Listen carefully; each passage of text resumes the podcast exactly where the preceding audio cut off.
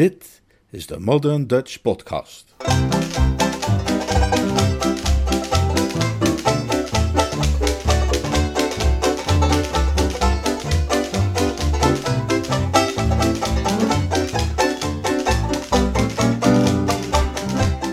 Jeeves en de Liefde.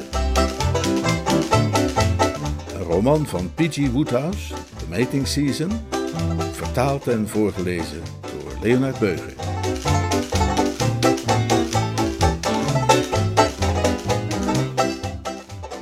Hoofdstuk 9 Door allerlei oorzaken, zoals een wat enthousiast gezang in bad, was ik bij aankomst voor het postkantoor een minuut of vijf achter op schema en ik vond Gussie daar al op mij wachten. Toen Jeeves deze vinknotel eerder ter sprake bracht, had hij hem, zoals u zich zult herinneren, mistroostig genoemd. En het was met één oogopslag duidelijk dat hij er met het voorbijgaan van de tijd niet veel troostiger op was geworden. Zijn ogen gloeiden achter zijn hoornen bril van grimmigheid en rancune en al dat soort dingen. Hij zag eruit als een chagrijnige heilbot. Op geëmotioneerde momenten wordt Gussie's toch al aanwezige gelijkenis met gedrochtelijke zeefauna altijd nog opvallend sterker. Nou, zei hij, zonder hooi of heida, dat is me ook wat moois. Het leek me dat een opwekkend, pepverstrekkend woordje op zijn plaats zou zijn, en daar barstte ik dan ook in los. Ik bevestigde zijn mening dat het mij inderdaad ook wat moois was, dat hij de mondhoekjes omhoog moest houden en wees hem erop dat hoewel donkere wolken zich dan misschien wel samenpakten, hij op Deverill Hall toch altijd nog een stuk aangenamer gehuisvest was dan in een duistere kerker waar het water van de muren droop en de ratten zich in troepen verzamelden, althans wanneer dat is waar ze mensen opsluiten die veertien dagen onvoorwaardelijk hebben gekregen van de politierechter in Bosher Street. Hij antwoordde kortaf dat hij het volstrekt niet met mij eens kon zijn. Ik zou verre de voorkeur hebben gegeven aan het gevang, zei hij. In de gevangenis zijn er tenminste geen mensen die je aanspreken met Mr. Wooster. Hoe dacht je dat ik mij moest voelen bij het besef dat iedereen denkt dat ik jou ben? Ik moet bekennen dat mij die uitspraak nogal schokte. Van alle zorgen waar ik mee te kampen had, was nog wel de meest knagende de gedachte dat alle mensen om mij heen, wanneer zij Gussie zagen, onder de stellige indruk verkeerden dat zij daarbij Bertram Wooster onder ogen hadden. Als ik bedacht dat de hele wereld van Kings Deverill voortaan in de overtuiging zou leven dat Bertram Wooster een ondermaats misbaksel was dat eruit zag als Lester de Pester uit die komische strip in een van de beroemde New Yorkse kranten, dan werd het mij bitter om het hart. En het gaf mij een lelijke knauw te moeten vernemen dat Gussie dezelfde geestelijke kwelling ervoer. Ik weet niet of jij het je realiseert, ging hij verder, wat jouw reputatie is in deze kringen, maar voor het geval jij je nog enige illusie maakt, zeg ik je maar meteen dat jouw naam hier ronduit wordt geschuwd.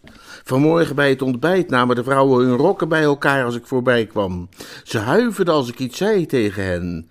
Af en toe zag ik ze naar me kijken op een manier die een ordinaire tasjesdief nog als beledigend ervaren zou hebben. En alsof dat nog niet erg genoeg was, scheen jij in één enkele avond ook mijn reputatie naar de Filistijnen te hebben geholpen. Wat zijn dat voor verhalen dat jij gisteravond dronken geworden zou zijn en jachtliederen hebt lopen zingen? Ik was helemaal niet dronken, Kussie. Hooguit een beetje vrolijk, zou je kunnen zeggen. En die jachtliederen heb ik alleen maar gezongen omdat mijn gastheer daar kennelijk prijs op stelde. En men moet zijn gastheer toch ter wille zijn. Maar dat was dus wat ze zeiden? Ja, dat zeiden ze inderdaad. Het was het belangrijkste onderwerp van gesprek aan de ontbijttafel. En hoe moet dat nu volgens jou als dat Madeline te oren komt? Hooglas had ontkennen, zou ik zeggen. Dat lukt nooit. Misschien toch wel, zei ik, want ik had inmiddels ruimschoots over de kwestie nagedacht en was er nu wat optimistischer over dan voorheen. Ze kunnen uiteindelijk niets bewijzen, toch?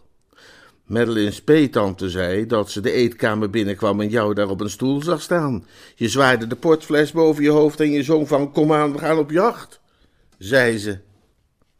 Klopt, die waarneming is juist. Maar wie zegt dat die portfles niet in zijn geheel geleegd was door Esmond Haddock persoonlijk? Die, zoals je dan ook wel weet, op de tafel stond, niet minder vrolijk zong van kom aan, we gaan op jacht en bovendien zijn paard aanspoorde met een banaan. Nee, ik durf wel te beweren dat mocht die kwestie Madeline te oren komen, een glasharde ontkenning je wel redden zal. Hij dacht er even over na. Nou, misschien heb je gelijk, maar evengoed zou ik toch wel willen dat je wat voorzichtiger was. Ik vond het allemaal heel vervelend en verontrustend. Maar ja, zei ik, want dat leek me de moeite van het proberen waard. Ook dat is nu eenmaal een deel van het alomspannende web, nietwaar? Wat voor web? Dat het zo'n mopje van Marcus Aurelius. Is u iets overkomen? Dat is goed. Al wat u overkomt is voor u weggelegd vanaf het oerbegin en ingesponnen in het wereldwijde web. Uit de grove manier waarop hij zich vervolgens over Marcus Aurelius begon uit te laten, maakte ik op dat hij diens grapje maar weinig kon waarderen. Evenals ik dat had gedaan trouwens toen Jeeves het mij vertelde. Vraag me af of het eigenlijk wel handig is met die dingen van Marcus Aurelius te komen op het moment dat iemand net gestruikeld is op het pad van het lot. Wellicht is het handiger om even te wachten tot de ergste pijn over is. Ter afleiding sneed ik maar een ander onderwerp aan en vroeg hem of hij niet verbaasd geweest was Catsmeet aan te treffen op Deverill Hall. Maar ik moest helaas constateren dat ik alleen maar petroleum op de vlammen had gegoten. Zijn commentaar op Marcus Aurelius was heftig geweest, maar uiterst gematigd vergeleken bij wat hij over Catsmeet te zeggen had. Begrijpelijk was het wel natuurlijk. Als iemand je gedwongen heeft om tegen jouw beter weten in te gaan pootje baden in de fontein op Trafalgar Square om vijf uur in de ochtend, wat je een goede pantalon gekost heeft en waardoor je bovendien gearresteerd en gevangen gezet bent en gemangeld tussen de raderen van het rechtssysteem, allicht dat je dan snel tot het standpunt komt dat de betreffende persoon eigenlijk gefileerd zou moeten worden met een bot keukenmes. Dit was in elk geval een van de dingen die Gussie Catsmeet nog eens hoopte aan te doen als alles goed ging, en zoals ik zeg, zijn gedachtegang was uitstekend te volgen. Nadat hij alles wat hij over het onderwerp Catsmeet kon bedenken er in hoog tempo had uitgeworpen, bracht hij, zoals te verwachten was, de komische sketch ter sprake waar Catsmeet auteur en producent van was. En wat is er nou precies met die zogenaamde komische sketch waar die Purbright het over had? vroeg hij, en ik begreep dat wij op een punt gekomen waren in ons discours waarbij tact en diplomatie van vitaal belang zouden zijn. Ah, juist, daar heeft hij het dus over gehad. Ja, dat is een, eh, een onderdeel van het programma dat zijn zus een deze dagen in de dorpshal organiseert. Ik zou daar pet in hebben moeten spelen, maar gezien de omstandigheden valt die rol nu natuurlijk aan jou toe. Oh ja, dat zullen we dan nog wel eens zien. Om wat voor vreselijks mag dat wel gaan? Heb je dat nog nooit gezien? Pongo Twistleton en Barney Phipps voeren het elk jaar op in de rooksalon van de drones. Ik kom nooit in de rooksalon van de drones. Oh, nou ja, dat is een. Uh, ja, hoe zou ik het zeggen? Een, een komische sketch is, is dat gewoon. Hè, de personages zijn twee Ieren, die Pat en Mike heten. Die komen op en dan. Uh, wacht even, ik, ik heb hier de tekst, zei ik en haalde die tevoorschijn. Als je even doorkijkt, dan zie je precies waar het om gaat. Hij nam de tekst en bestudeerde die met een norse blik. Toen ik hem dat zo zag doen, realiseerde ik me hoe ondankbaar het vak van toneelschrijver moet zijn. Ik bedoel, je zult toch maar telkens weer de vrucht van je ijverige inspanningen moeten overhandigen aan zo'n theateragent met een glasharde blik en een granieten kin. En dan zenuwachtig met je voeten staan te schuifelen terwijl hij het doorbladert met zo'n uitdrukking op zijn gezicht, alsof hij op een teer plekje is gestoken, alvorens hij het over de tafel naar je terugschuift met de korte recensie, waardeloos. Wie heeft dit geschreven? vroeg Gussie, terwijl hij de laatste bladzijde omsloeg. En toen ik zei dat Catsmeet de auteur was, zei hij dat hij dat eigenlijk wel had kunnen raden. Hij had tijdens het doorlezen al telkens minachtend zijn neus opgehaald en nu deed hij dat nog eens, maar nu met het geweld van zes keer ophalen in één vernietigende snuif. Dit is volstrekt waardeloze rommel, het heeft helemaal geen dramatische structuur. Het bezit geen intrinsieke motivatie. En qua constructie is het betekenisloos. En wie moeten die twee personages eigenlijk voorstellen? Ja, dat zeg ik. Dat is een stel Ieren, Pet en Mike. Tja, misschien kun je me dan ook uitleggen wat hun maatschappelijke positie precies is. Want eerlijk gezegd ontgaat me dat volkomen. Die Pet bijvoorbeeld beweegt zich kennelijk in de voornaamste kringen, want hij beschrijft hoe hij is wezen dineren op Buckingham Palace, maar tegelijkertijd hebben zijn vrouw en hij een kostganger in huis. Ja, ja, ja, ik snap wat je bedoelt. Mal. Onverklaarbaar. En is het sowieso geloofwaardig dat een man met zijn sociale achtergrond voor het diner zou worden uitgenodigd op Buckingham Palace? Te meer daar het hem kennelijk volstrekt ontbreekt aan enige manieren en savoir-faire. Zo vertelt hij bijvoorbeeld dat hij bij dat diner waar hij het over heeft, de koningin hem vraagt of hij misschien nog wat meer van de currysoep zou lusten, waarop hij vervolgens zes porties eet, omdat hij denkt dat er verder niets op tafel zal komen, om dan de rest van de avond, naar zijn eigen woorden, uitgeteld in een hoekje te zitten, tot aan zijn huig gevuld met soep. En tijdens dat hele verhaal laat hij zijn zinnen voortdurend voorafgaan door uitdrukkingen als bij gort en pot vol blommen. Zo praten Ieren helemaal niet. Heb jij ooit Ruiters naar Zee gelezen? Van John Millington Synge? Nee? Nou, dat moet je dan maar eens te pakken zien te krijgen en eens grondig lezen. Als jij mij daarin ook maar één personage kunt aanwijzen dat bij gort zegt, of pot vol blommen, dan krijg je van mij een tientje. Ieren zijn dichters, die hebben het over hun ziel en over nevels en zo. Die zeggen dingen als: Een avond als deze doet mij terug verlangen naar County Clare, waar de koeien dwalen door het hoge gras. Hij bladerde fronsend door het script, zijn neus opgetrokken alsof hij iets onaangenaams rook. Het deed me sterk denken aan de dagen van weleer in Malvern House, mijn oude school in Bramley aan Zee, als de eerwaarde Aubrey Upton mijn opstel onderhanden nam met zijn blauwe correctiepotlood. Hier staat bijvoorbeeld weer zo'n passage van volstrekt zinloos gebazel. Mijn zus heeft dikke billen. Pot vol blommen heeft jouw zus zulke dikke billen. Ja, bij God, wat heeft die een dikke billen? En vindt ze dat vervelend, die dikke billen? Ach nee, ze zit er helemaal niet mee. Nou, kijk, dat slaat toch gewoon nergens op. En dan nog zoiets wat helemaal niet te begrijpen valt. Overal in de tekst staat dan zomaar opeens het woordje act of act.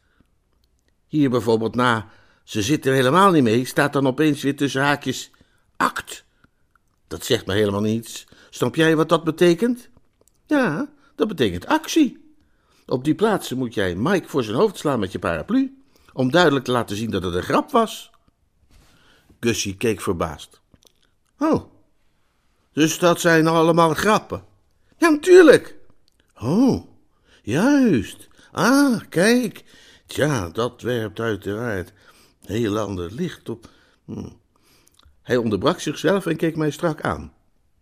Maar zei hij nou dat ik mijn tegenspeler met een paraplu voor zijn hoofd moet slaan? Ja, dat klopt. En als ik die Purbright goed heb begrepen, dan is mijn tegenspeler in deze wonderlijke productie de plaatselijke veldwachter? Ja, precies. Ja, dat gaat er dus absoluut niet van komen, dat is volslagen uitgesloten, zei Gussie met de grootste stelligheid. Heb jij enig benul van wat er gebeurt als je een politieagent met een paraplu voor zijn hoofd slaat? Dat was wat ik deed toen ik uit die fontein kwam op Trafalgar Square, en ik ben absoluut niet van plan om dat ooit nog eens te doen. Zijn gezicht vertrok in een soort grauwe afschuw, alsof hij een blik geworpen had in een angstig verleden dat hij nooit of te nimmer meer wilde betreden. Laat mij jou voor eens en voor altijd duidelijk maken, Woester, wat mijn standpunt is in deze kwestie. Ik ga geen pot vol blommen zeggen. Ik ga ook geen bij gort zeggen. En ik ga al helemaal geen politieagenten te lijf met een paraplu. Kortom, ik weiger absoluut en volkomen om ook maar in het geringste betrokken te raken bij dit soort liederlijke flauwekul. Wacht jij maar totdat ik die Miss Purbright te pakken krijg. Die zal ik eens goed de waarheid vertellen. Die zal ik eens heel duidelijk maken dat men niet zomaar dit soort menselijke geintjes kan uithalen met de menselijke waardigheid. Hij had nog veel meer willen zeggen, maar op dat punt gekomen nam zijn stemgeluid af tot een soort gereutel en ik zag hoe zijn ogen begonnen uit te puilen. Ik keek om en zag dat Corky de kamer was binnengekomen. Ze had Sam Goldwyn bij zich en zag er, zoals gewoonlijk, spetterend uit, gehuld als zij was in een nauwsluitende kledij die haar bevallige silhouet eerder benadrukte dan bemantelde, als u begrijpt wat ik bedoel. Ik was erg blij om haar te zien met Gussie in een dergelijke non-coöperatieve stemming, die met zijn hakken in het zand als Balaams ezel weigerde om zijn steentje bij te dragen, leek mij een vrouwelijke aanpak precies waar we behoefte aan hadden.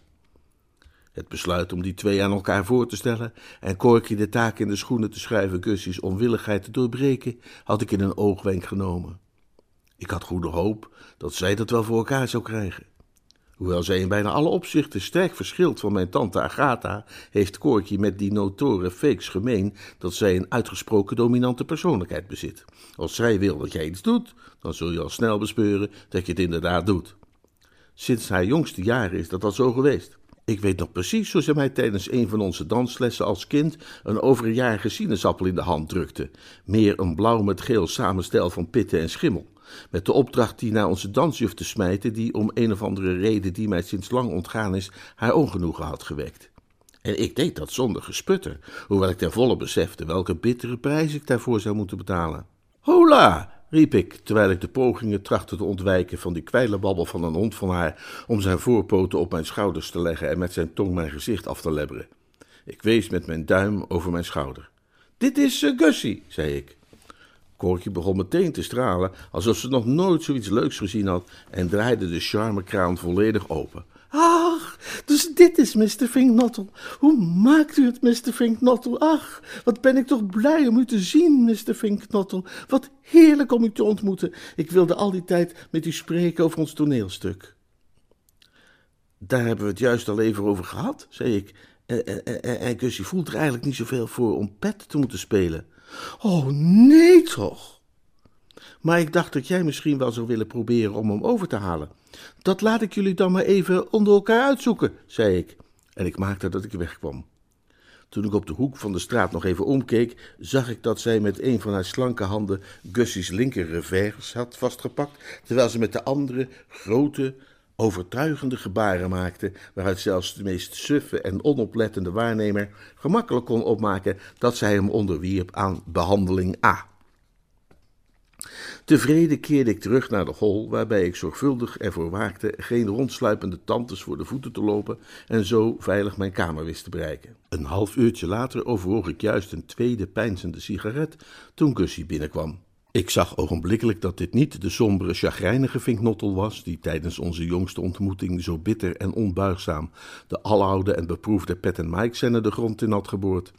Zijn houding was monter, zijn ogen glansden, en in zijn knoopsgat droeg hij een bloem die er daarvoor niet gezeten had. Hallo, hallo, hallo, hallo, Bertie, zei hij. Zeg, Bertie, waarom had jij mij niet verteld dat Miss Purbright niemand minder was dan Cora Starr, de filmster? Ik ben al heel lang een van haar meest toegewijde bewonderaars. Wat een verrukkelijk meisje is zij toch, vind je niet? En hoe volslagen anders dan haar broer, die ik beschouw en altijd zal beschouwen als Engelands grootste smeerlap. Zij heeft mij die komische scène in een heel ander licht doen zien. Ja, ik, uh, ik dacht wel dat dat haar zou lukken. Wat buitengewoon trouwens dat een meisje dat zo ontzettend mooi is als zij, dan ook nog over een razendscherpe intelligentie blijkt te beschikken en haar argumenten met een verbazingwekkende helderheid weet over te brengen, zodat ze in een oogwenk weet overtuigen van haar onmiskenbare gelijk. Ja, een overtuigend klein krengetje, die Corky. Ik zou het op prijs stellen, Bertie, wanneer je haar geen krengetje zou willen noemen. Maar, uh, Corky, hè, zo noem jij haar dus. Wat een charmante naam. En wat was het resultaat van jullie overleg? Ga je die rol nu spelen of niet? Oh ja, dat is helemaal rond. Ze heeft mijn bezwaren volledig weten weg te nemen. Nadat jij was weggegaan, hebben wij het script nog even samen doorgenomen en ze heeft mij absoluut van weten te overtuigen dat er niets minder waardigs is aan dit soort gezonde, simpele humor. Flauwekul uiteraard, maar zoals ze zei, pakkend theater. En ze is ervan overtuigd dat ik fantastisch over het voetlicht zal komen. Jij gaat die zaal plat spelen. Ik vind het jammer dat ik zelf die rol van Pet niet kan spelen. Nou, dat is waarschijnlijk maar goed ook. Ik betwijfel zeer of jij wel het type geweest zou zijn voor die rol. Natuurlijk ben ik daar het type wel voor, antwoordde ik nijdig. Ik zou er een geweldige voorstelling van hebben gemaakt. Corky denkt daar anders, heel anders over. Ze vertelde me hoe dankbaar ze was dat jij je had teruggetrokken, dat ik die rol heb overgenomen. Ze zei dat het personage een stevige, robuuste aanpak vereiste en dat jij het gegarandeerd veel te klein gespeeld zou hebben. Het is een rol waar persoonlijkheid en uitstraling voor nodig is en een uiterst weloverwogen timing. En ze zei dat zodra ze me zag, ze eenvoudig voelde dat ik de ideale pet in mij droeg. Meisjes met haar soort ervaring zien dat meteen. Ik gaf het op. Met een dreutel valt niet te praten en twintig minuten in het gezelschap van Corky leken Augustus Vink Nottel van een onschuldige salamanderfanaat te hebben veranderd in een dreutel van het zuiverste water. Een van de ergste stoethaspels van het soort dat kleintjes sport drinkt in stoffige wijnlokalen en hun vrienden aanspreekt met knabo of knullo. Ik had het gevoel dat het geen halve jas scheelde of hij zou zelfs mij gaan aanspreken met knullo. Nou, daar hoeven we het helemaal niet eens over te hebben, zei ik, want ik had die rol toch nooit op me kunnen nemen. Madeline zou het nooit goed gevonden hebben dat hij verloofd in het openbaar optrad met een groene baard om. Nee, het is een merkwaardig kind wat dat soort dingen betreft. Het leek me dat ik die onnozele grijns van zijn gezicht zou kunnen vegen door hem te herinneren aan iets dat hem kennelijk ontgaan was. En hoe zit dat met agent Dobbs? Huh? Nou ja, de laatste keer dat ik je sprak, zag je er nogal tegenop om veldwachter Dobbs met een paraplu te lijf te moeten gaan. Oh, Dobbs, nee, die doet niet meer mee. Die heeft zijn congé gekregen. Hij kwam langs terwijl we aan het oefenen waren en deed even een stukje van Mike's tekst, maar dat leek nergens op. Geen techniek, geen persoonlijkheid en laat zich niet regisseren. Bleef overal over hakken takken, totdat het korkje tenslotte de keel begon uit te hangen en ze een beetje nijdig werd. Ze begon tegen hem te snauwen, waarop hij ook nijdig werd en begon te snauwen, met het gevolg dat die hond van haar, kennelijk opgewonden door al het gedoe, hem in zijn been beet. Goeie god, ja, het maakte de sfeer nogal ongemakkelijk. Kooikje wist het dier voortreffelijk te verdedigen door naar voren te brengen dat het waarschijnlijk al van jongs af aan door politieagenten was dwarsgezeten en dat het een volkomen natuurlijke neiging voor hem was om er af en toe naar, hem, naar, naar een te happen. Maar Dobbs weigerde haar argumenten te accepteren. Hij deelde ook niet haar gezichtspunt dat het om een overtreding ging die met een eenvoudige berisping kon worden afgedaan. Hij stelde Sam Goldwyn in verzekerde bewaring en heeft hem op het bureau gevangen gezet tot er is vastgesteld of het al dan niet de eerste keer was dat hij iemand beet. Kennelijk heeft een hond die pas één keer iemand gebeten heeft een juridisch gunstige positie. Nou, gisteravond heeft die Silversmith ook al gebeten. Oh ja? Als dat uitkomt, vrees ik dat de aanklager helaas een sterk punt heeft. Maar om mijn verhaal even af te maken. Koortje werd kwaad en terecht, gezien Dobs onbuigzame houding, en heeft hem van de spelerslijst geschrapt. Ze gaat nu haar broer vragen om die rol te spelen. Hij loopt dan natuurlijk het risico dat de dominee hem herkent, wat tot een onaangename situatie zou kunnen leiden, maar ze denkt dat die groene baard hem wel voldoende onherkenbaar zal maken. En ik kijk er naar uit om Purbright als tegenspeler te krijgen. Er zijn weinig mensen die ik met meer genoeg met een paraplu voor de kop zou willen slaan, zei Gussie. En hij voegde er met pijnzende blik aan toe dat hij ervoor zou zorgen dat Catsmeet bij de eerste klap zou menen dat hij op zijn minst getroffen was door de bliksem. Het was duidelijk dat de tijd die alle wonden heelt er nog een stevige klus aan zou hebben Gussie ooit het principe van vergeven en vergeten bij te brengen. Maar ik heb helemaal geen tijd om hier te blijven kletsen, ging hij verder. Corky heeft me uitgenodigd voor de lunch op de pastorie en ik moet er vandoor. Ik kwam eigenlijk alleen maar even langs om je die gedichtjes te geven. Die wat? Die gedichtjes over Jan de Man Robinson. Hier, alsjeblieft. Hij overhandigde me een bundeltje gedichten en ik keek hem verbijsterd aan. Hoezo dit? Ja, jij moet ze nu voordragen op het dorpsconcert. Die waar een kruisje bij staat. Ik zou dat oorspronkelijk doen. Madeline hecht er veel gewicht aan. Je weet hoe dol ze is op die Janneman Robinson versjes. Maar wij moeten nu natuurlijk onze bijdragen omwisselen. En ik kan je wel zeggen dat mij dat ontzettend oplucht. Er is er één bij waarin dat verdomde kereltje van hup, zekkei, hup, zekkei, hop doet. Waarbij ik, nou ja, zoals ik zeg, ik voel me ontzettend opgelucht. Het dunne boekje viel uit mijn krachtloze handen en ik staarde hem met wijd opengesperde ogen aan. Nee toch, alsjeblieft. Het heeft helemaal geen zin om nee toch alsjeblieft te zeggen. Dacht je dat ik geen nee toch alsjeblieft had gezegd toen ze mij die misselijkmakende rijmpjes in de handen drukte? Er valt niet aan te ontkomen. Ze staat er eenvoudig op. Het eerste wat ze straks wil weten is hoe die bliksemse versjes gegaan zijn. Ja, maar die lompe types achter in de zaal gaan ongetwijfeld het toneel bestormen om het te lynchen als ik hiermee kom. Dat zou mij niets verbazen. Maar goed, je hebt één troost. Wat dan? De gedachte dat al wat u overkomt voor u is weggelegd vanaf het oerbegin en ingesponnen in het wereldwijde web. lachte Gussie en hij ging er vandoor. En zo liep de eerste dag van mijn verblijf op Deverell Hall ten einde. tot de rand gevuld met V-vormige depressies en onzekere vooruitzichten.